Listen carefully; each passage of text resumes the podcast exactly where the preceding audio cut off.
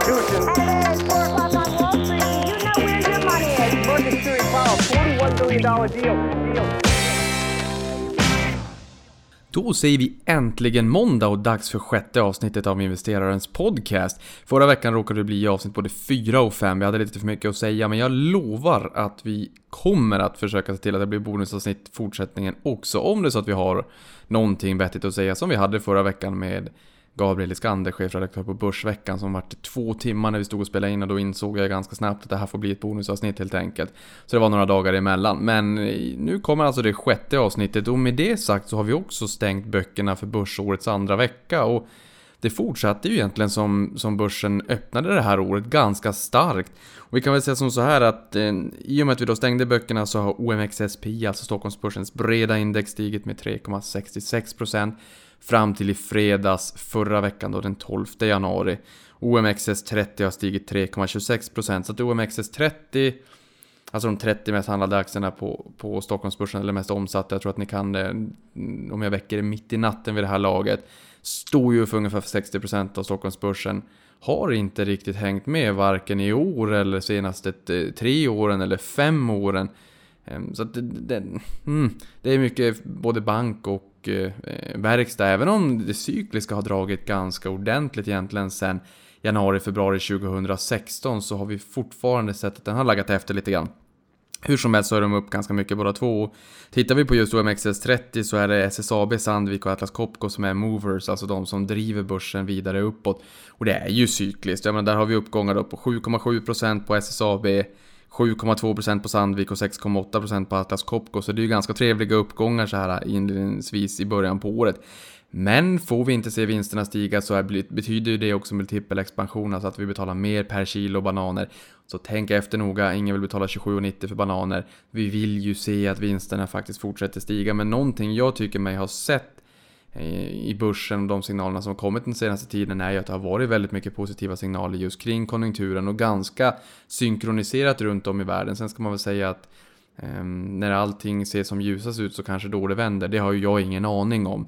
Eh, men vi vill ju så att säga se att det fortsätter att ticka på bra vinsttillväxt i de här bolagen i och med att de fortsätter att driva då i år.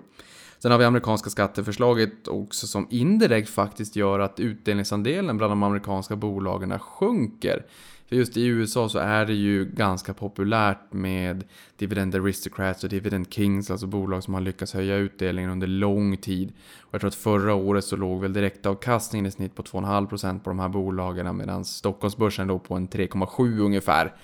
Sen är ju amerikanerna duktigare på återköp än vad vi är här hemma i Sverige, men just direktavkastningen är ju då lite lägre. Och sen utdelningsandelen eh, är jag inte helt säker på vad den låg på.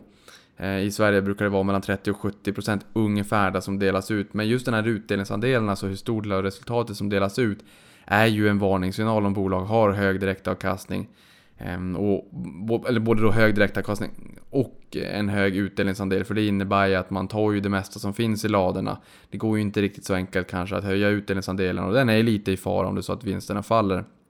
Men just den här eh, sänkningen av bolagsskatten då från 35 till 21% gör ju också att utdelningsdelen faktiskt faller för att mindre skatt betyder mera vinster i ladorna. Så det är ju en liten sån där tanke som jag bara vill skicka med. Och sen det som har hänt under eh, veckan kan jag väl säga att jag var ute och skulle hämta ett paket. Jag har ju beställt såna här sound shields som ska kapsla in ljudet lite grann när jag sitter och poddar och jag har en sån framför mig nu så jag hoppas att ljudet är bättre än förra gången. Men när jag skulle hämta ut det här på kiosken så såg jag att Snickers och Mars hade lanserat protein bars.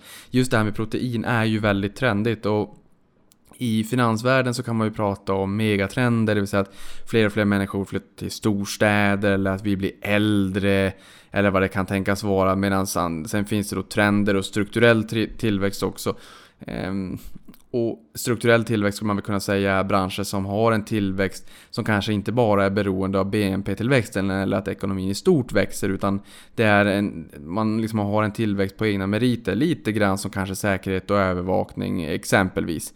Ehm, sen kan man väl också säga att trender är ungefär det här med att vi ska vara nyttigare och vi ska träna mer och vi ska äta Eh, betydligt bättre grejer, vet vad vi stoppar i oss och sådär. Och det är ganska intressant det här med att det är rätt många produkter där ute som är proteinberikade. Eh, allt möjligt, från mjölk till dryck drycker, till bröd, till ja, you name it. Och i det här fallet också då, alltså både Snickers och Mars som är godis, proteinberikat. Och det är inte så att man satte 8 spänn för den här godiset, utan då tog man 20 spänn för den.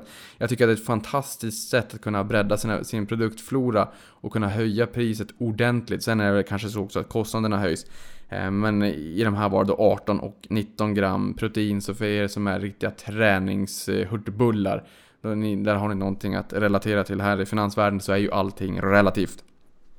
Sen kan jag också säga som så här att i julas så var jag ute och eh, inte bäsade men var lite kritisk till eh, DNB som gick ut och, och köprekade Melker Schörling investmentbolaget som vi har på börsen som faktiskt nu är på väg att bli utköpt. Ehm, de har ju eh, 99% tror jag av bolaget och man har alltså påkallat tvångsinlösen då. För är det så att man har 90% av kapitalröster i ett bolag, ja då kan man ju faktiskt säga att ja, de där sista tio, det spelar ingen roll om du säger ja, tack och bock, jag tar den här slanten ni erbjuder mig och, och sen så får ni köpa mina aktier eller säga att jag tokvägrar. För har ett bolag över 90% då kan man påkalla tvångsinlösen då. Eh, så det är på väg att köpas ut, men då till 569 kronor per aktie. Men då gick DNB ut och sa att ja, men vi ser en uppsida i det här bolaget och vi tycker att ja, men 615 kronor det är, det är en rimlig riktkurs.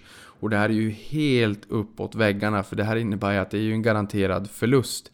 Man har väl till och med mig veterligen satt ett sista datum för den här aktien också ska lösas in. Eh, och där var jag lite småkritisk. Jag har inte sagt det i podden men däremot på Twitter då. Eh, Twitter.com investeraren eller investeraren heter jag där då. Men du hörde Joakim Gunnel av sig från DNB och sa att jag hörde att du var ute och var lite kritisk till det här. Men det är faktiskt som så här, det är inte vi som har gått ut och, och lämnat den här rekommendationen. Jag menar att man alltid ska göra sin egen analys i det här fallet. Jag menar den som köpte på den här informationen har ju gjort en kanske dålig affär. Men då visar det sig att det är Goldman Sachs som har hittat en gammal TP, eller Target Price, eller riktkurs då. Kärt barn har ju många namn som ni vet. Eh, och finanslingo inte minst då. Så att i det här fallet så är det ju faktiskt Bloomberg som har hittat eh, fel riktkurs. Och det här kan man ju tycka, för mig i alla fall, så när jag ser någon typ av CNN, CNBC eller Bloomberg eller vad det kan tänkas vara, ja då litar jag ju på att det här är kollat och kollat, att den här informationen stämmer. Nej, det gjorde den inte. Så att jag vill bara säga att det här är faktiskt inte DNBs fel att eh, jag var lite kritisk till en, en riktkurs här i december, utan det är faktiskt ett litet fel som har smugit sig in. Sen vill jag också tacka Sam Åslund för gingen som ni hörde i början. Jag har insett att jag har ju faktiskt inte gjort det, men nu Sam, nu gör jag det. Tack för gingen. Sen kommer den här podden lite sent på måndagen också och det beror på att jag var ute och turistade lite grann med familjen. Vi var i Västerås. Och då kan jag ju säga att det var eh, rätt mycket börsnoterat där. Och det jag såg allra mest, det var ju Kungsleden och Klövern. Det kunde jag inte missa. Det var lite julgranar här och var runt om i stan. Det stod God Jul önska Kungsleden och sen så Klövern stod på ett antal fastigheter. Och det som drog mig, min uppmärksamhet var att det var en hel del tomma lokaler här och var. Alltså inte tomma, att det bara var en vakans tillfälligt där det skulle komma någon ny hyresgäst, utan det kändes som att här var det lite grann vakanser. Ehm, så där drar jag lite grann öronen åt mig och det blir ju kanske då jobbigt om det är så att bostadsmarknaden viker, aktiemarknaden viker och det blir lite jobbigt kring, kring konsumtionen. För jag menar, jag bor ju i Stockholm i dagsläget. och här märker man ju aldrig av det, i alla fall inte där jag bor och där jag jobbar, sitter så att säga. Det är ju Central Business District. Där är ju eh, efterfrågan som allra, höst, höst, allra högst på fastigheter, alltså lo kommersiella lokaler. Eh, I just stadskärnorna spelar det ingen roll om det är Stockholm eller vilken stad det än är. Och sen så ju längre ut du kommer desto, desto mindre efterfrågan är det ju så att säga. Men i goda tider så är det väl förmodligen efterfrågan på alla möjliga lokaler. Men det där var en liten tankeställare jag fick. Sen är det ju också som så att vi har nya all time high i USA. Dow Jones var ju upp, eller bjöd ju på 71 nya all time highs förra året och det här fortsätter även under 2018, märk, märk väl. Men någonting jag vill påminna om det är ju att OMXS30 faktiskt nu är uppe i 995 dagar sen vi fick toppen på 17.20.02 den 27 april 2015. Så det är ju inte igår. Jag vet att OMXSP, alltså Stockholmsbörsens breda index när man räknar med alla bolag, 365-366 bolag, där någonstans. Där har vi faktiskt slagit det förra all time high, alltså den, den högsta nivån börsen har varit på då någonsin och det här är ju exklusiva utdelningar på de här indexerna då. Men OMXS30, där har vi inte riktigt hämtat tillbaka det här än. Eh, utan det är en liten bit upp igen. Så att när man ser allt det här all time high, börsen glödhet och allting, så vill jag bara skicka en stilla påminnelse om att just det här äh, lite mer PRO-indexet med de riktigt gamla bolagen på Stockholmsbörsen, där har vi lite grann att äh, fortfarande då hämta hem. Men i det här avsnittet så tänkte jag prata lite grann om investeringsstrategier eller specifikt en investeringsstrategi. Vi kommer säkert att prata om en del andra framåt också, men i just det här avsnittet så tänker jag att vi ska prata om Dogs of the Dow. Och Dogs of the Dow det är alltså hundarna i Dow Jones och det här är ju USAs äldsta index som grundades 1896. Så att det här är ju förmodligen också ett av världens äldsta börsindex. Eh, långt innan datorerna fanns får man väl säga. Och det här är en eh, investeringsstrategi som introducerades på 50-talet så att även den har ju rätt många år på nacken, även om den är betydligt mycket yngre än vad det här själva indexet är då. Men fick sitt stora genombrott 1991 när finansmannen Michael B. O'Higgins dammade av det här konceptet och backtestade det. Och när man säger backtestade, att man har då en tes om att ja, om jag skulle kunna göra så här och så här och jag väljer in de här nyckeltalen eller jag tittar på de här indikatorerna och för att se om det här har funkat historiskt, ja men då backtestar jag. Hur hade det varit om jag hade gjort precis som den här formen eller brygden jag har kokat ihop? Hur hade det sett ut om jag hade investerat på eh, det här indexet säger vi då 10 år tillbaka eller 15 eller 20 år tillbaka. Så att man får lite data på hur, hur hade det sett ut? Hade det funkat? Det är någonting på spåren. Sen är det klart att historien är ju ingen garanti för framtiden men man vill helt enkelt backtesta och se hur, om man är helt ute och cyklar. Um, och man kan väl säga som så här att han kom på att det här, de här amerikanska hundarna har slagit det breda amerikanska indexet med ett par procentenheter under perioden 1920 till 1991. Så det här är ju faktiskt under 71 år. Um, och han har även skrivit en bok på det här som heter Beating the Dow. Och under den här långa tidsperioden så har det ju slagit börsen, men när jag tittar lite grann i det medellånga perspektivet, ja, på 20 år så har det också slagit börsen, men på senare tid så är det väl lite mer tveksamt och förra året så låg man en 5-6 procentenheter bakom eh, Dow Jones som steg 25% förra året. Som ni kanske kommer ihåg så steg de amerikanska börserna väldigt mycket. Men vad betyder det här då? Det här är en klassisk investeringsstrategi, eh, Dogs of the Dow. Där tittar man ju på Dow Jones är blue chip-bolag, alltså stora giganter som har funnits med i sedan urminnes tider på de amerikanska börsen och är bolag som har stor betydelse både för den amerikanska ekonomin och även för världsekonomin. Alltså det är stora giganter. Och det man gör är att man tittar i slutet av varje år.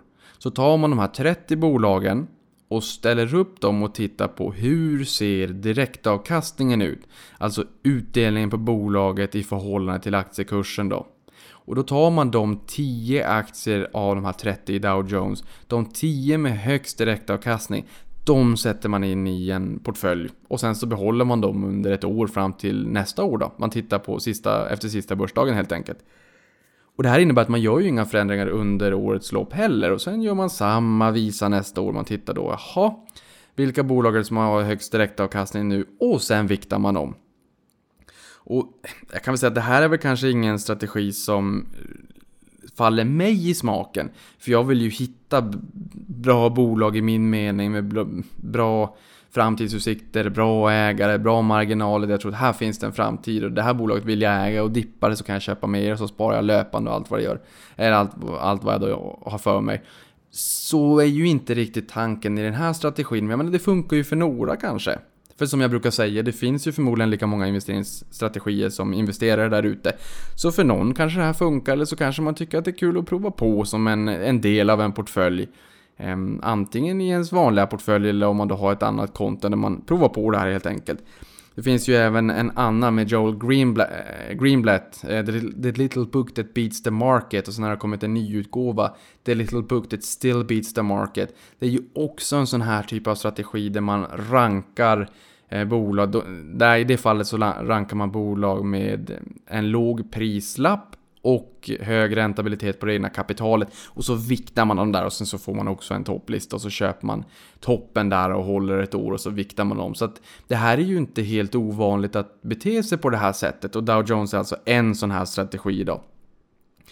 Um, och vi ska gå in lite mera på vilka bolag det är då som ingår i Dogs of the Dow för 2018. Sen har jag faktiskt också tagit fram vilka bolag som ingår i en försvenskligad modell av Dogs of the Dow. För vi hade ju som sagt Börsveckan och Gabriel Iskander. Och de tog i höstas, tog de fram en, i slutet på sista oktober tror jag att det var, tog de fram en portfölj med hundar då för ett år framåt till oktober 2018. Så jag tänkte dela med mig av de bolagen också så får ni någonting svenskt att förhålla er till, inte bara de amerikanska bolagen då. Ehm, men sen kan man väl säga som så här att det finns ju en risk också och det är ju för eh, value traps då. Att någonting ser väldigt bra ut för att eh, direktavkastningen i det här fallet är hög och det, det kanske beror på att aktiekursen har gått ner väldigt mycket och det kan ju vara så att aktiekursen har gått ner av en anledning. Ta inte minst bostadsutvecklare i Sverige. Bostadsmarknaden har ju bromsat in ganska ordentligt och till följd har det fått då aktiekurserna i bostadsutvecklarna att falla ganska ordentligt. Vilket innebär att om de då ger en utdelning så ser ju direktavkastningen ut att vara väldigt hög. Men det säger ju ingenting om det är så att man kommer att kunna fortsätta bibehålla utdelningen. Och är det så att vinsterna faller och man har en hög utdelningsandel, kommer man kunna behålla det här eller måste man sänka? Men någonstans vaccinet mot det, det är ju att man har den här korgen av 10 bolag i eh, Dow Jones då som gör att även om några går dåligt så hoppas man på att några går riktigt bra. Och då drar upp den här portföljen så att det ska gå bättre än hela Dow Jones. Och det intressanta är, som en liten poäng i det här, det är att alla, alltså samtliga 30 bolag i Dow Jones ger utdelning. Så att samtliga är med och krigar om den här platsen då att ha högst direktavkastning. Och antingen kan det vara för att bolaget går bra, man delar ut en stor del av resultatet som gör att man får en hög direktavkastning. Eller så kanske det är att kursen har fallit. Eller eh, en kombination av de där då. Eh, men eh, vi har ju i Sverige så Fingerprint är väl kanske det bolaget som får Eh, lite jumboplatsen där som sa att man skulle komma och, börja ge utdelning och sen bara några veckor senare så drog man tillbaka det. Det var inget roligt att köpa på, på den nyheten, den informationen. Sen brukar jag ju säga att det finns en risk för att guld blir kattguld. Det har vi ju inte sett inte minst i Telia som sänkte från 3 kronor ner till 2 kronor. Eller Rato som sänkte från 6 kronor vilket var en hög direktavkastning ner till, ner till 3. Så vi har ju även exempel på svenska börsen där man faktiskt har köpt bolagen baserat på att det har varit en hög direktavkastning. Sen kommer bolaget säga hörni sorry, vi kommer inte kunna behålla den här höga eh, utdelningen vilket gör att den här direktavkastningen som man tittar på som investerare ja, den blev lite blasé helt enkelt. Men nåväl, det ska man inte tänka på när man kör den här strategin utan då är det de 10 bolagen med högst direktavkastning på Dow Jones av de här 30 som ingår. Och sen håller man det ett helt år. Man köper inte på sig något mer och sparar och man snittar inte ner sig. Det är i alla fall grundstrategin, sen får man göra precis så som man känner. Ehm, och som sagt, samtliga bolag ger då utdelningar, men de bolag som eh, kom in på listan det här året, alltså för 2018, är Verizon, det här är alltså amerikanska bolag då. Som har en direktavkastning på 4,5% eller hade sista efter sista handelsdagen 2017. Sen har vi IBM som har en direktavkastning på 3,9%. Pfizer 3,8%. Exxon Mobil på 3,7%. Chevron på 3,5%. Merck på 3,4%. Coca-Cola på 3,2%. Cisco Systems på 3%. Procter Gamble på 3% och General, General Electric på 2,8%. Och det här kan ju vara bolag både från Nasdaq och från New York Stock Exchange Nys, de här två olika börserna. Båda kan ingå i det här eh, Dow Jones-indexet då. Eh, och man kan ju säga som så här, två bolag som var Dogs i fjol men som gick väldigt bra var Boeing och Caterpillar. Ehm, och de fick faktiskt lämna den här listan för som sagt man viktar ju om den här då varje år. Och de fick lämna den här efter rätt kraftiga uppgångar. Boeing var den aktien i Dow Jones som gick allra bäst i fjol. Som steg eh, nästan 90% och hade en direktavkastning på 2,3%. Och Caterpillar steg 70% så det är ju inga små uppgångar. Om man nu säger att en uppgång på 10%, säg 10-11 medan Pensionsmyndigheten kanske säger 7-8 och när man ska ge mellanmjölk i, i, intervjuer medialt då brukar man säga en 5-6% kanske realt eller 6-7-8 i, i, i nominella termer, alltså före inflation. Eh, eller om man frågar sig hur ska börsen gå? Ja, men börsen ska gå 10%. Det är ganska sällan börsen faktiskt går 10%. Den går ofta ganska mycket eller ganska lite. Även om de senaste åren här hemma i Sverige har varit lite just, just mellanmjölk faktiskt. Men det är ganska sällsynt att de går eh, ungefär som det historiska snittet. Eh, det är ju just ett snitt av en anledning att man tar liksom bara kraftiga uppgångarna, kraftiga nedgångarna. Eh, och sen så drar man ett snitt av det. Men att, att det ska gå upp en 5, 6, 7, 8, 9, 10 procent. Det är inte jättevanligt utan det brukar faktiskt vara större skiftningar än, än så. Och de bolagen som då kommer in istället för Boeing och Caterpillar Ehm, är Procter Gamble som steg 9,3% i fjol och sen General Electric som sjönk 45%. Aj, den känns! Det är alltså en halvering av aktiekursen i princip. Ehm, och sen till det ska också tilläggas att General Electric faktiskt kapade sin utdelning under 2017, vilket borde vara negativt. Och det är det ju, men eh, har man halverat aktiekursen, ja då föll den ändå mer. Vilket innebar att även om man kapade utdelningen, jag sa ju att Ratos och Telia gjorde det här historiskt, eh, och att eh, guld blev kattguld. Men även om det är så att de kapade sin utdelning så föll aktiekursen så pass mycket att direktavkastningen, alltså utdelningen i förhållande till aktiekursen, visade sig på att vara ganska attraktiv ändå. Paradoxalt nog. Ehm, och 2017, alltså fjolåret, var ett ganska dåligt år för Dogs of the Dow. Det känns konstigt att säga det för det var en makalös avkastning på 19%. Men allting i den här världen är ju relativt och Dow Jones steg 25% så därför var det ett sämre år. Och jag har inte riktigt hittat en statistik som, eh, som jag tycker känns relevant i det här fallet att peka på om den här strategin faktiskt håller över tid. Och det spelar ingen roll om det är Dogs of the Dow eller om det är Joel Greenblatts en bok här, eh, The Little Book That Beats the Market eller Still, Beat the, Still Beats the Market. För där skriver ju båda eh, den här författaren och Joel att man måste tro på den här modellen över tid och anledningen att inte eh, själva modellen och tesen urvattnas är ju för att i vissa år så kan det ju gå dåligt och man måste ju verkligen tro på den år ut och år in och det får man ju vara, er, eh, det får man ju vara ärlig mot sig själv och erkänna att ett år på börsen är ganska lång tid. Och ska man då tro på en modell i två, tre år innan man börjar kunna göra en rimlig bedömning, det är ganska lång tid. Man måste verkligen tro på det här från början när man ger sig in i det. Därför kan jag ju tycka att om det nu är så att man vill prova på det här, ja men gör det med en del av portföljen då. Ehm, jag har ju min, min strategi och min filosofi, så det här är inte för mig. Men det är ändå kul att, Eh, bolla det här, den här eh, tesen och den här investeringsstrategin med. Och just den här boken också som jag pratade om här i början, den kände faktiskt inte jag till innan jag gjorde lite research inför det här avsnittet. Eh, men den kan nog vara ganska intressant att läsa, just den här Beating the Dow, och den kommer jag läsa i alla fall. Så om inte du läser den så kommer jag nog förmodligen att dela med mig av vad jag tyckte om den framåt när jag har läst klart den. Ehm, och i de här tio bolagen som är med i hundarna det här året så är det två oljegiganter, ExxonMobil och Chevron och sen General Electric med ett uselt år på nästan en halvering då. Och de kan ju verkligen agera draglok här om vi skulle få en rebound inom oljesektorn och inom energi. Ehm, sen får vi ju säga att eh, oljan har ju faktiskt gått väldigt bra. Det är inte länge sedan vi hade en eh, bränt olja på 27 dollar fatet och nu ligger det uppe på 70 dollar fatet. Så att vi har haft en rebound. Sen är det ju såklart att bolagen påverkas ju olika mycket av hur oljepriset fluktuerar, men alla påverkas ju.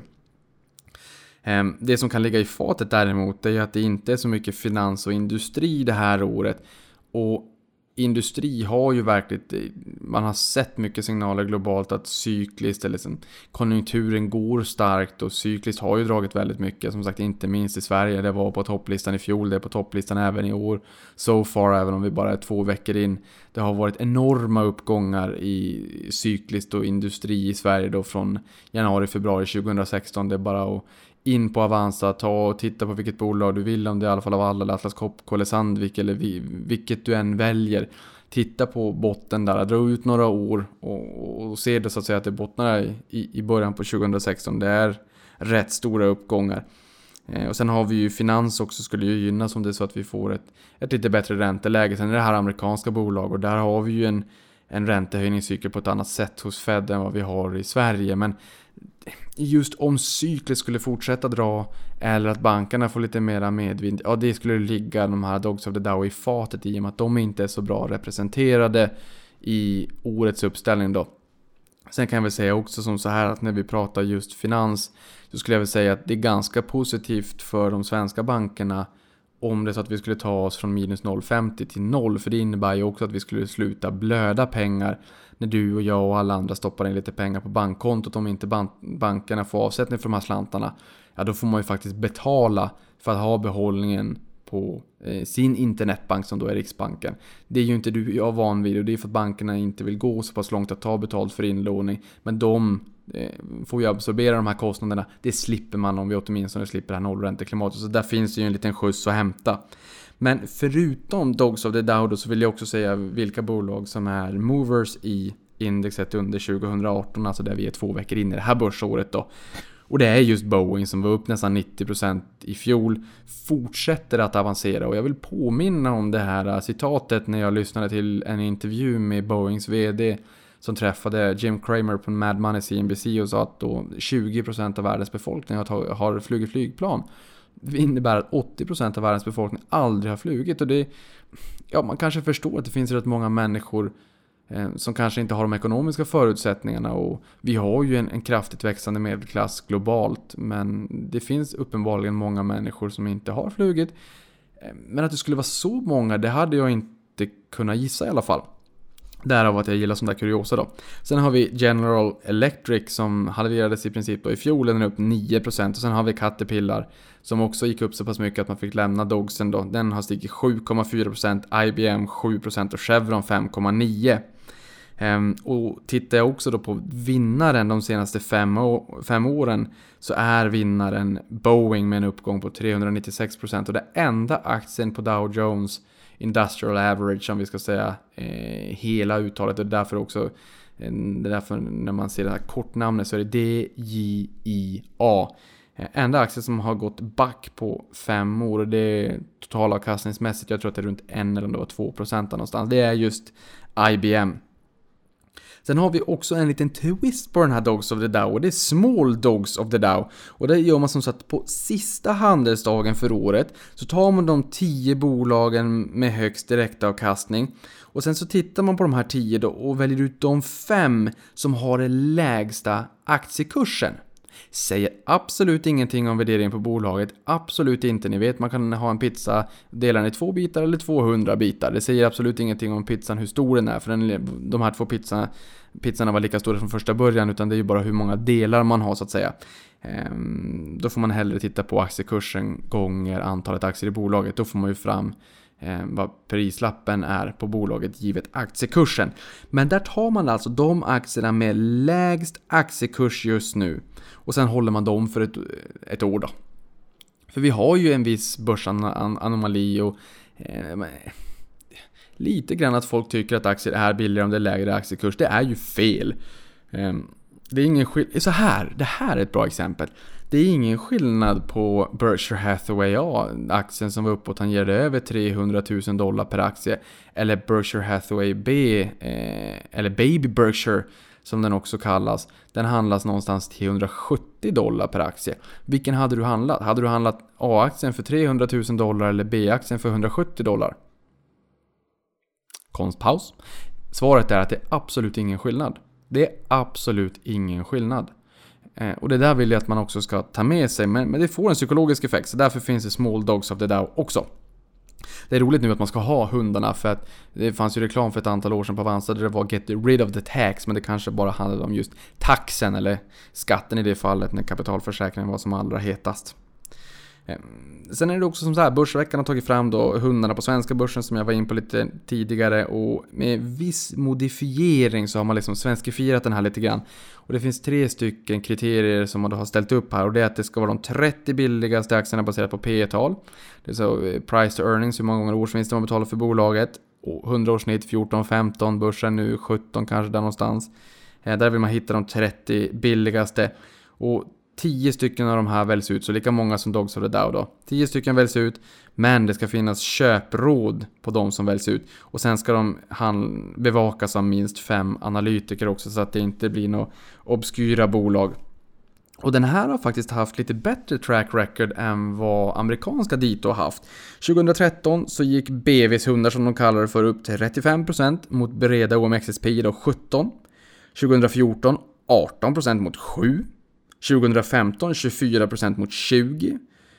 2016 35% mot 3. Och sen har vi 2017 då 8% mot 12. Så att i fjol så var det lite motigt. Då var den sämre än börsen i stort. Men eh, i annat så var det faktiskt så att de, de har åtminstone historiskt lyckats visa på en ganska vettig avkastning. Och då funderar ni såklart, jaha, men vilka bolag är det då? Bring the names. Och det tänker jag göra. Då har vi Tetis Oil, eh, Betsson, Swedbank, Nobia, Academedia, Nordax, Capio, Scandic Hotels, Ahlsell och Bravida. De här bolagen ingår alltså i den svensk modifierade versionen av Dogs of the Dow. Sen har jag fått lite frågor också kring, i och med att Börsveckan var med här och gästade, kring vilka andra typer av medier som jag använder mig av för att bli lite klokare på den här branschen. Och ja, det finns ju ett gäng. Det är ju inte bara Börsveckan jag använder, utan tidigare har jag även haft Stockpicker. Det finns ingen anledning till varför jag inte har dem längre. Det var bara att tiden inte riktigt räckte till, men jag tycker den är bra också. Sen tycker jag affärsvärlden är bra. Jag har Dagens Industri varje dag. Där lär jag mig jättemycket. Jag brukar oftast göra så, eller jag, jag gör så, inte bara oftast att när jag läser de här tidningarna och hittar jag någonting som jag tycker att aha, det där, det där tyckte jag var intressant. Och det kan handla om vad som helst. Att eh, exempelvis en sån här grej som jag kommer ihåg många, många år senare när SCB i ett affärsbrev för ett gäng år sedan skrev just att kopparn är en global konjunkturindikator baserat på sin spridda industriella användning runt om i världen i många olika branscher. Jag tycker ah, det där är bra. Eller så här, torrfrakter kan också vara en global konjunkturindikator. Eller hur ändras saker och hänger ihop. Eller eh, inköpschefsindex och hur brukar det påverka börsen eller non-farm payrolls när, när sysselsättningen ut, utanför jordbrukssektorn i USA kommer första fredagen varje månad. Vad betyder det för börsen och sådär. Och ibland står det ganska vettigt och då brukar jag in på sånt där Google Doc så att jag kommer åt det var som helst ifrån. Och så går jag in och, och så petar jag in och skriver in där så att jag bygger upp ett sånt här eh, arkiv eh, större och större och större. Ehm, så att, och förutom den affärsvärlden ska jag också säga jättebra tidning även det just att man får in, alltså de, de sätten jag gillar att använda de här tidningarna på det är ju att försöka förstå deras sätt att tänka kring börsen och analysera bolagen och vad de tycker är både styrkor och möjligheter och hot och svagheter och vilka faktorer som ska vara drivare för att skapa ytterligare värde härifrån och framåt i bolagen. De gör ju mig till en bättre investerare. Ibland håller de med, ibland skriver de negativt om bolag jag själv äger och det är ju inte roligt. Men samtidigt så är det ju nyttigt att faktiskt lyssna till och, läsa på, jaha, vad tror de framåt? De kan ju ha en annan horisont. De kan ju tänka på en 3, 4, 5 månader och jag tänker på 3, 4, 5, 10 eller ännu fler år så att säga. Men det är ändå nyttigt att eh, ta till sådana här informationer. Sen har vi Aktiespararen som är Aktiespararnas tidning. Kommer ut, eh, ja inte riktigt en gång i månaden, men inte långt ifrån i alla fall. Sen har vi marknadsbrev. Vi har ett marknadsbrev från Avanza som kommer på kvällarna.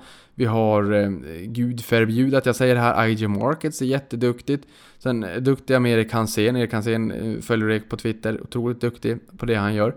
Och sen så har vi eh, Stockpicker Market Update, läser den varje dag. Tycker det är jättebra sammanställt. Sen följer jag också eh, Finwire, Finwire Newsweb har de ett verktyg med just nyheterna på dagarna. Där lär jag mig också jättemycket och just in i dokumentet och skriv in. För det här är ett livslångt lärande. Men hörni, nu ska vi inte fastna där. Men ju mer man lär sig, brukar jag säga, desto mer inser man att man inte kan. Men ju mer man lär sig, desto mer inser man också hur fantastisk den här världen är. Och hur roligt det är när man börjar förstå hur saker och ting faktiskt hänger samman. Eh, så det där var några förslag på hur man kan eh, lära sig ytterligare lite grann och liksom vilka tidningar och sådär jag följer. Sen finns det också Bloomberg eh, Business Week om det är så att man har, har Readly i, i sin eh, padda. Det är som Storytel men det är ju för ljudböcker.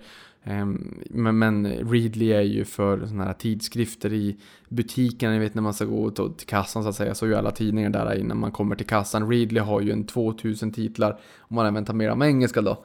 Eh, och där finns det ett gäng tidningar, både svenska och utländska. Privata affärer är ju en sån tidning som också är vettig. Den är ju mer tiltad mot privatekonomi, men inte minst aktier, det finns det även där. Så den kan jag ju också rekommendera, den läser jag på Readly och sen så har jag just den här då som jag sa då, även Forbes. Men den är lite tungläst, men, men sen då också Bloomberg Business Week där man tar upp ganska intressanta teman som uppkopplade städer eller hur elektrifieringen av bilar eh, pushar på efterfrågan på olika råvaror och som ni vet, man kan handla råvaror också Även om nu inte riktigt jag gör det. Och det kan jag ju säga, då har vi Anders Söderberg på, på SCB, deras råvaruguru. Jag hoppas kunna få med honom i podden här också och berätta lite grann om råvaror och antingen hur man kan tänka om det så att man vill jag, jag, jag, brukar inte säga investera i råvaror, utan då säger jag snarare, jag nöjer mig med att säga spekulera i, i råvaror. Medan investera, det tycker jag det gör man i, i bolag som skapar värde över tid och inte det som bara är beroende av att Eh, någon vill betala mer för en råvara än vad jag är beredd att betala baserat på väder och vind och eh, oroligheter och eh, strejker och allt möjligt, dåliga skördar och allt vad det kan, eh, översvämningar, allt vad det kan tänkas vara. Eh, men eh, däremot så är det så här att råvaror, deras påverkan är ju ganska intressant även för oss långsiktiga investerare att, att kunna få en förståelse för, för att råvaror är ju inte minst ofta en insatsvara även för de börsnoterade bolagen. Även om det är till varierande grad så att säga. De bolagen som har ett högt förädlingsvärde kanske inte är lika beroende av insatsvaran, råvaran. Eh, Medan vissa andra har, är mycket, mycket mer beroende av hur priserna utvecklas på, på eh, råvaran. Sen när det kommer till utdelningar, det kanske inte är så här att man vill ha de här, det där Dogs of the Dow eller den svenska versionen utan man vill helt sonika kunna plocka ut sina egna guldkorn men man är, har en liten förkärlek för bolag med en hög direktavkastning. Ja, då har Dividend.com har en dividend screener där man kan eh, screena då, göra ett urval baserat på eh, bolag med en hög direktavkastning. Tyvärr så kommer det att komma många ETFer och som ni kanske vet så ETF, amerikanska ETFer kan man ju inte längre handla från Sverige baserat på de nya Mifid 2 eh, regelverken eller regelverket som kom i början på året. Men då vill jag också passa på att rekommendera George på Börsdata som har varit med i ett tidigare avsnitt av Prata pengar också. Där kan man screena på direktavkastning på svenska börsen. Även på avanza.se aktier kan man också screena. Så får man fram bolag med en eh, hög direktavkastning om det är så att man vill ha det. Men nu vill jag ta lite frågor. Och då börjar jag med Börstrucken som skriver så här på Twitter då. Har hört att Kinnevik har en förvaltningsavgift. Stämmer det här? Och var hittar jag i sådana fall avgiften? Och det här är en... Eh, det stämmer inte riktigt. De har inte en förvaltningsavgift så kanske ni känner till att fonder har ju en förvaltningsavgift. Alltså då att en förvaltare ska gå till jobbet och försöka skapa eller generera en överavkastning i jämförelse med vad börsen i stort ger. Annars hade man ju inte betalat en fondförvaltare. Sen betalar man ju i förväg och man vet ju inte riktigt hur resultatet blir i slutändan. Men det gäller ju att hitta de förvaltarna som är duktiga och som uppenbarligen historiskt har visat att man gör någonting rätt och att man faktiskt kan leverera och skapa ett, ett mervärde eller en överavkastning. Då. När det kommer till investmentbolagen så nej, de har ingen förvaltningsavgift. Däremot så brukar man sätta kostnaderna, alltså personalkostnader för investmentbolagen i relation till AUM eller Assets Under Management eller de förvaltade tillgångarna då. För att eh, själva affärsidén med ett investmentbolag är ju att man har ehm, ett antal underliggande portföljbolag som man har investerat i. Men för att få det här investmentbolaget och de här lånen att rulla så behöver man ju lite personal. Inte jättemycket, men lite grann.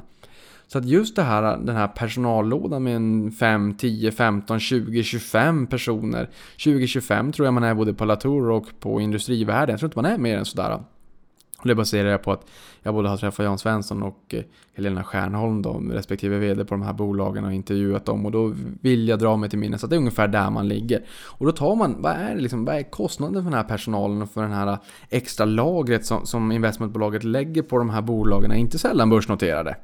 ta de kostnaderna och ställ dem i relation till, till värdet på alla de här tillgångarna som förvaltas i investmentbolaget. Då får man fram något som man skulle kunna likna vid en förvaltningsavgift. Och jag vet, Latouri åtminstone, de skriver ut det här ganska synligt i årsredovisningen och de ligger på en 0,10-0,11 procent. Så att där får man ju säga att det är en ganska låg kostnad relativt att betala 0,10-0,11% på eh, den portföljen de förvaltar. Och då ska vi inte heller kom, glömma att de har ju en, en onoterad del också bestående av ett 70-tal eh, onoterade bolag. Så att det här är ju inte heller så att man bara förvaltar en tre, fyra börsnoterade bolag som Melker Schörling. Det bolaget handlade man ju till premie, inte sällan. Och det kan ju också bero på att Melker hade ett fantastiskt track record när det kommer till den här förvaltningen och hitta fina bolag.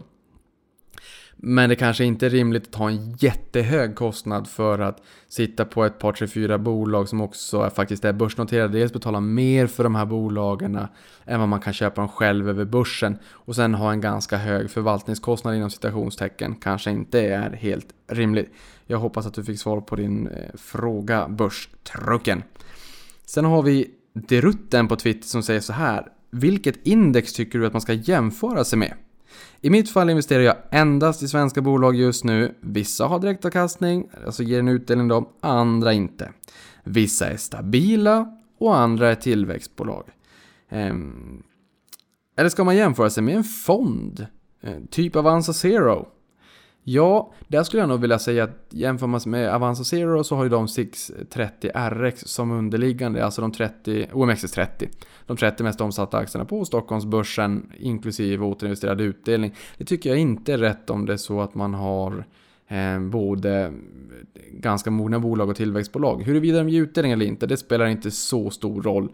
Eh, men då ska man ju kanske också jämföra med ett återinvesterande index. För då, tar man, då spelar det liksom ingen roll om de ger utdelning eller inte. Eh, då benchmarkar man ju med allt, allt tutti, plusmeny på det helt enkelt. Men i och med att det både är mogna bolag och tillväxtbolag så skulle jag vilja säga att 6PRX i sådana fall kanske blir ett ganska vettigt index att jämföra sig med.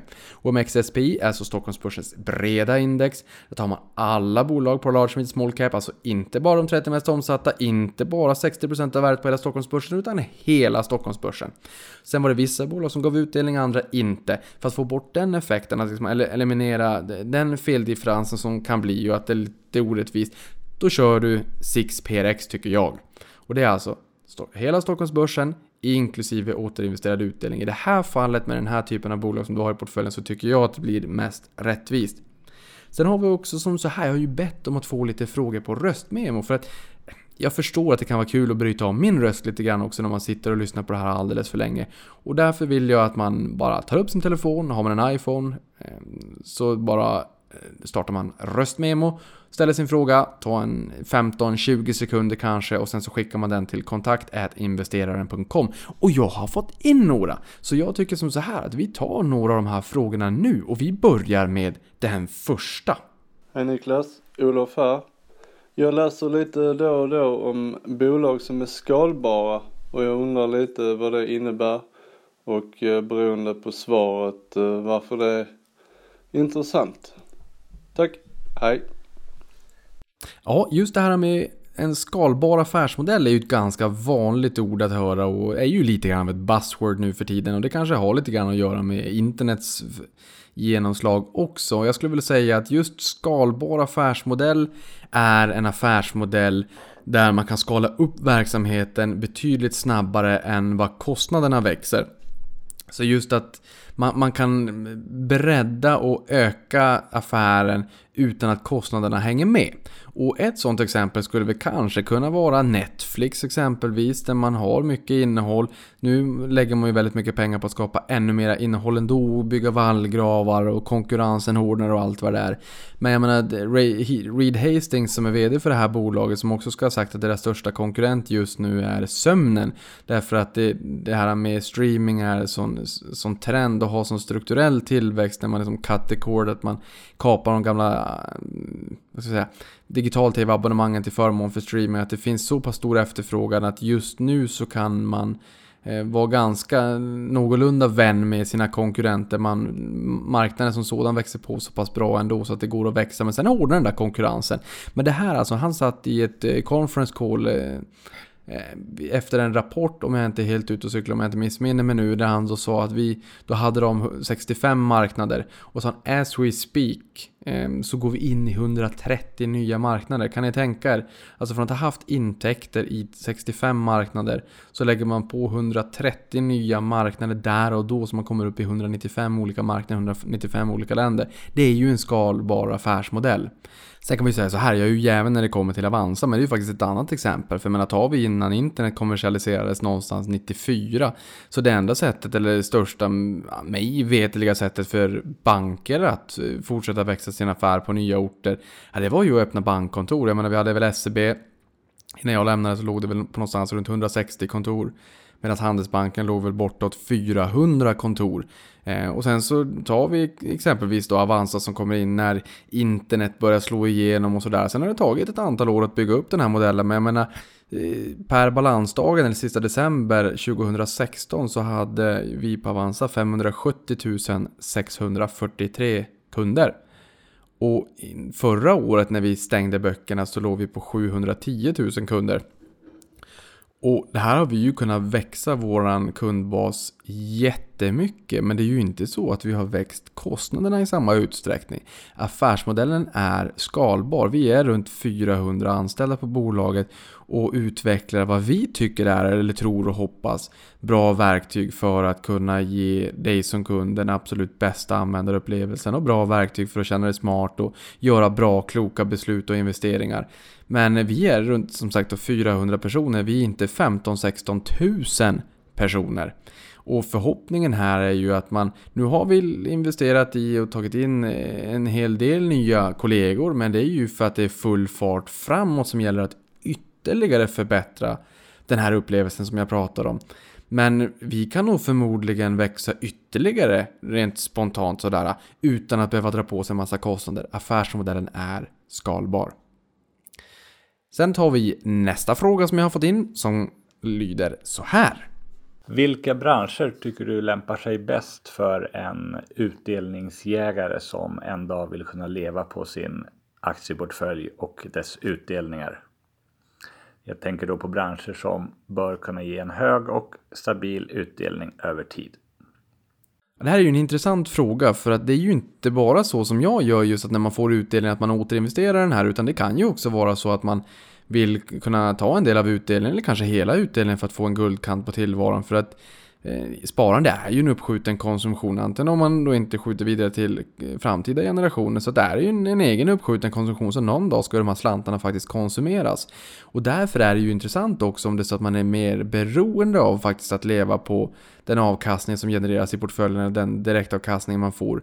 Fundera på vilka branscher det är som faktiskt kanske är lite vettigare om man vill ha en portfölj som tiltas just mot utdelning och direktavkastning. Och här vill jag också påpeka att någonstans kanske en 6-7% i direktavkastning. Det går att hitta den typen av bolag. Börjar man leta sig upp mot 8, 9, 10% då ska man verkligen dra öronen åt sig. Det är en väldigt hög direktavkastning i ett klimat där Stockholmsbörsens snitt ligger på 3,6-3,7% och sen är det ju ett nollränteklimat också.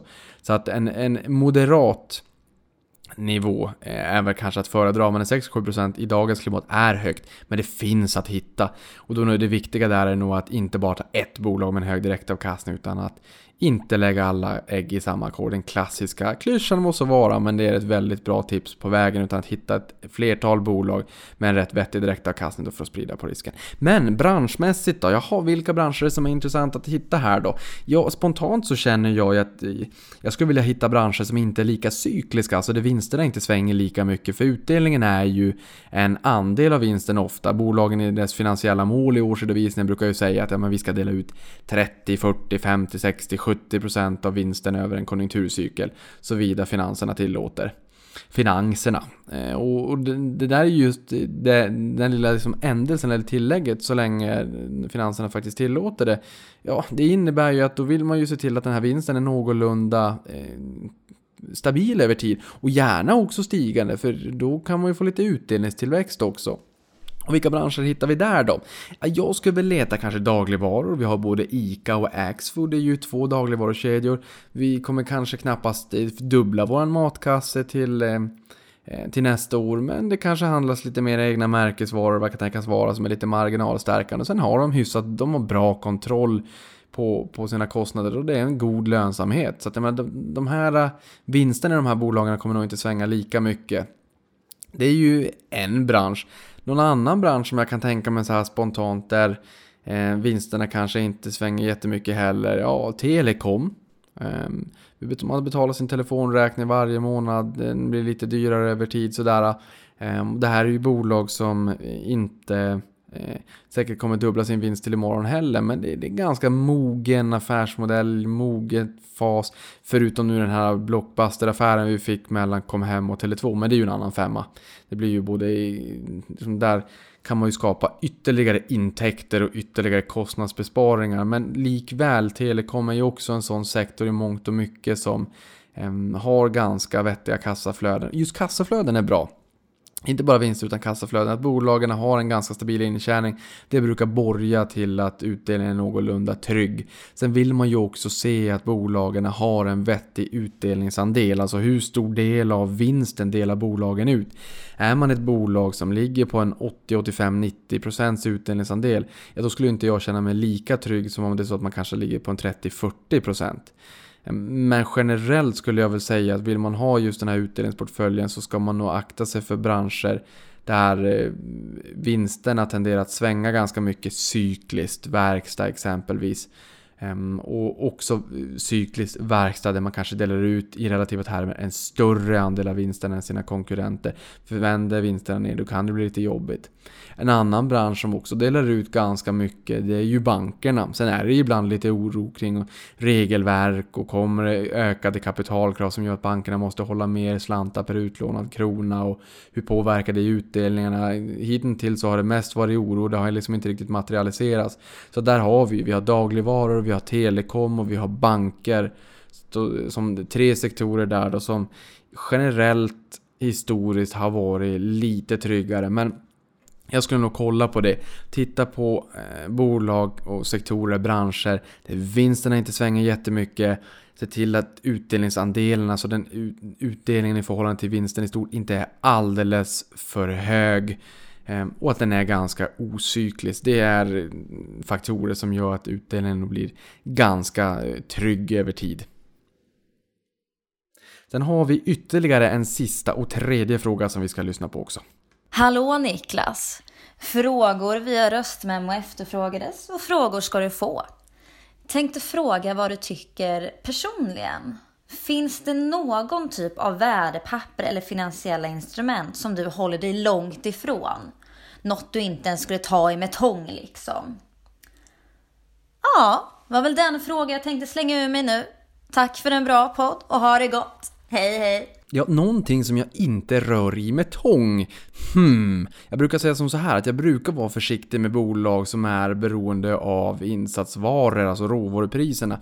Typ SSAB som är beroende av då priset på eh, järnmalm och sen insats, sen beroende av energipriset i framställan produktion och sen beroende av världsmarknadspriset på högfast stål. Även om vi i Sverige är väldigt, väldigt duktiga på det och har en god och hög kvalitet och svenskt stål biter. Nu är det givet den här frågan ganska orättvist för att det är inget fel på SSAB. Det kan, det, eller inte bara kan, det är så att den här affärsmodellen är väldigt cyklisk och vinsterna svänger mycket beroende på hur konjunkturen mår både i Sverige men även globalt. Sen försöker man få in lite mera eftermarknad och liksom mera repetitiva intäkter men det går inte att komma ifrån att det är väldigt cykliskt och just nu så är det risk on och det går väldigt bra för den. Det har gått bra både i år och i fjol. Riktigt bra år. Jag menar, är det så att man är duktig på stockpicking här, då kan man tjäna väldigt mycket pengar. Både när, när den rycker starkt uppåt och sen så försöka undvika de här kraftiga fallen. Jag är ju kanske inte, det, det är väl inte min paradgren och inte mitt sätt att investera. Men någonting som jag undviker med tång, just den här kryptovalutor är någonting som jag inte riktigt förstår och det gör att jag inte är där och, och investerar. Och det är inget dumt eh, för, till de som, så att säga, de som gör det. Men jag tycker att då ska man också vara medveten om att man spekulerar. För att man spekulerar ju i förhoppningen om att antingen att någon kommer betala mer i framtiden, antingen om det är några dagar eller några, ett halvår eller något år framåt i förhållande till vad du betalar idag. Alternativt att det kommer att finnas ett, ett jättestort användningsområde för de här kryptovalutorna i framtiden som vi kanske inte riktigt känner till idag. Det blir lite av en spekulation. Men någonting som jag kanske absolut försöker hålla mig ifrån Det är i mångt och mycket finansiella derivat och då kan man ju tycka jaha, jo, jo, visst, jag förstår det. Och alltså då optioner och terminer och varanter och mini futures och allt vad det heter och kraftiga hävstänger. Men det kan ju också vara ett sätt att skydda portföljen och minska risken. Och då är det helt okej okay att använda det. Men om det är inte så man riktigt använder det utan att man vill få en kraftig hävstång i portföljen och att det ska svänga ordentligt som Baloo sa i Djungelboken. Nej, det svänger ju! Där, det är inte av intresse för mig för det ökar också både mitt EKG men även den psykologiska parametern och dimensionen i mitt investerande och det är någonting som jag försöker minimera så mycket som möjligt, få bort den här psykologiska komponenten. Så det är väl någonting som jag försöker undvika så gott det går. Sen får jag fundera vidare på vad jag undviker med tång. Men hörni, nu är det dags, eller hög tid får man säga, för nyhetssvepet. Trodde jag. Trodde jag. Nu får jag backa. Därför att den förra frågan med vilka sektorer eller branscher som har stabilast utdelning. Ja men då tog jag ju fram Hernhag också. Hernhag har ju skrivit tre böcker. Ehm, och, och, på hans sida hernhag.se så kan man läsa om stabilaste utdelningsaktierna. Jag måste dela med mig av det här. Ni, ni får hänga med någon minut till.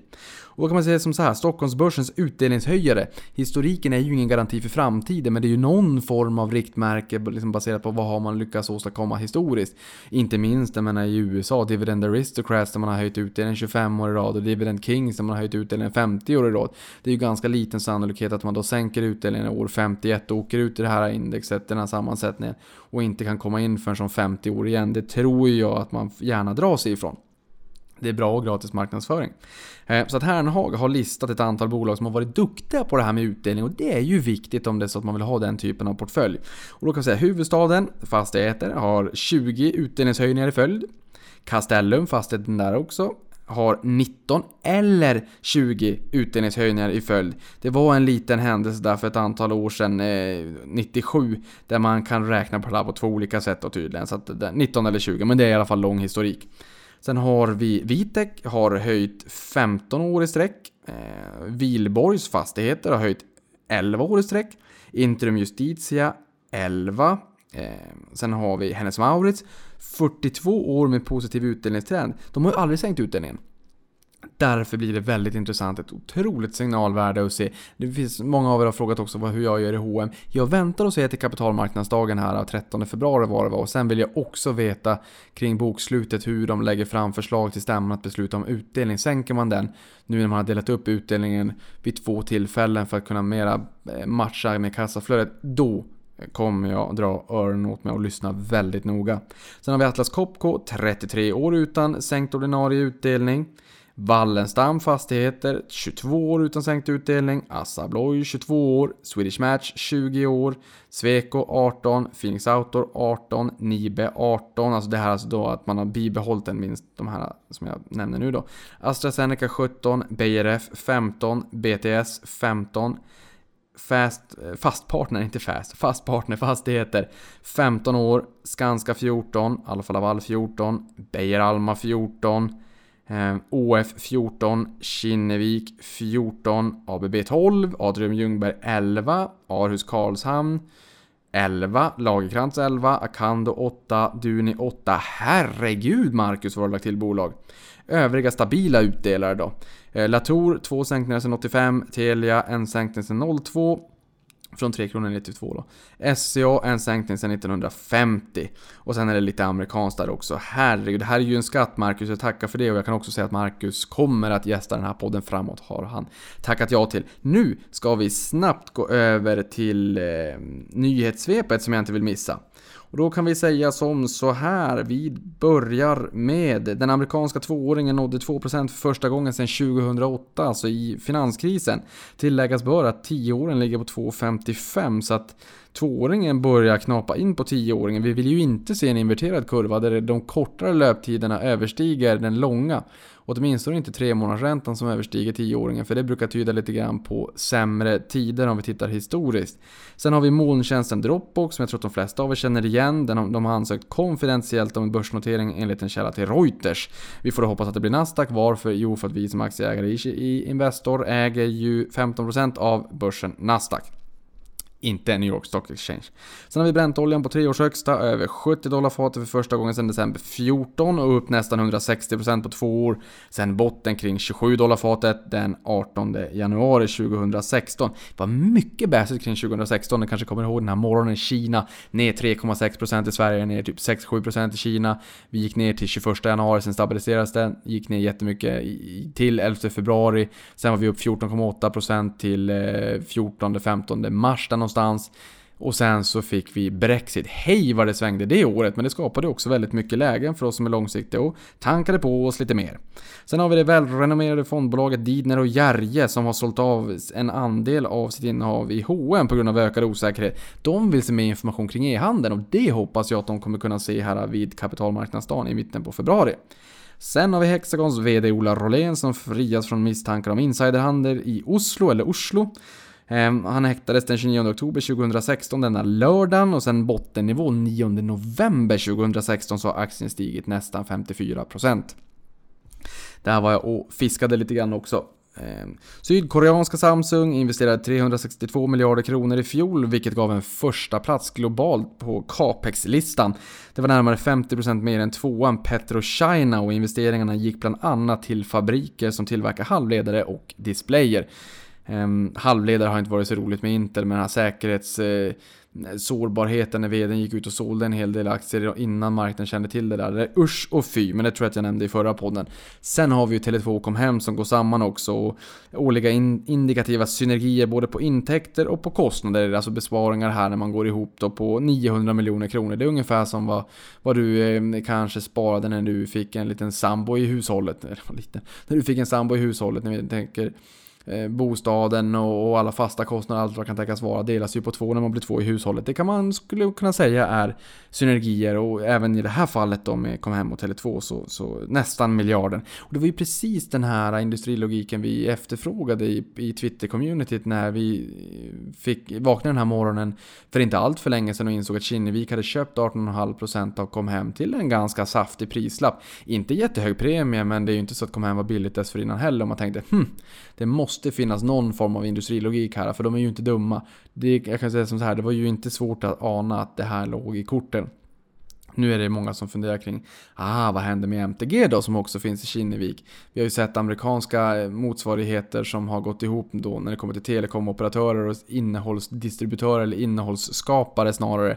För att få in lite mera innehåll och lite mera värde för bang for the buck när det kommer till Ehm, de abonnemang och tjänster som man prenumererar på, om det då är bredband eller telefoni eller vad det kan tänkas vara. Att, att få en liten ökad stickiness så att säga och en ökad konkurrensfördel. Jag tror att det var AT&T som skulle köpa Time Warner var det väl snack om, sen vart det väl några gruserier i den affären. Sen har vi begreppet Kodak Moment som kommer med ny innebörd när Kodak Cryptocurrency Moment kanske man får säga i framtiden, för de lanserar en egen kryptovaluta för att på något sätt kunna spåra och ta betalt för bilder runt om i världen. Den här aktien steg 119% på det här beskedet och year to date är upp nästan 200% men de senaste fyra åren så är den ner 90% så det gäller att ha historien med sig. Men kan det bli cryptocurrency, Kodak cryptocurrency moment som överskuggar eh, det här Kodak moment? Jag vet inte, vi får se. Framåt så kommer vi att gästas av eh, Peter Bronsman Eh, på Kopparbergs. Det har ju varit lite skakigt i aktien här en, en, tid om han var med i Prata pengar för en tid sedan. Vi kommer få en liten update där och sen kommer vi också få en update från Silicon Valley.